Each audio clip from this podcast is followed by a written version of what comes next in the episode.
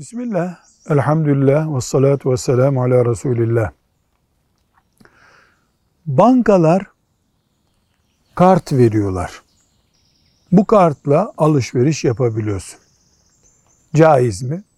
Diyoruz ki her şeyden önce bu kartı veren banka faizci bir banka olmayacak. Müslüman o bankadan emanet kart bile almamalı. Bunun ötesinde Müslüman bir bankadan aldığı kartın ticaret yaparken kullandığı durumu iki şıktan oluşur. Birincisi bankada nakit parası var zaten. Alışveriş yaparken oradan kesiliyor.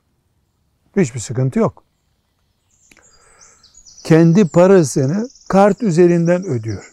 Veya banka ona diyor ki sen benim müşterim olarak kal. Git bu kartı kullan. Ben ay sonu alayım senden bu parayı diyor. Bunda da bir sıkıntı yok. 100 lira harcadı. Ay sonu 100 lira alıyor banka. Bu normal. Borç vermiş oluyor banka. Böylece kart kullanan sayısından da kar ediyor o. Veya parasını bende tutacak diye bekliyor. Sadece buradaki fark bu ikinci kart çeşidiyle yani bankadan borç alınarak elde edilen şekliyle altın ticareti yapmakta sıkıntı var.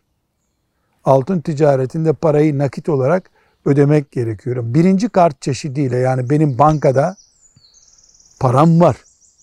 Ben kuyumcuya kartımı gösterdiğimde anında onun hesabına o para geçiyor. Bir sıkıntı yok.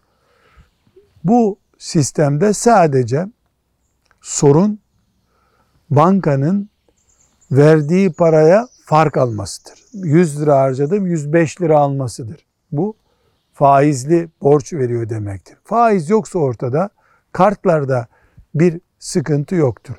Kartı verirken bir masraf alması da normaldir. Çünkü kart bir hizmettir. O hizmetin bedelini alıyordur. Velhamdülillahi Rabbil Alemin.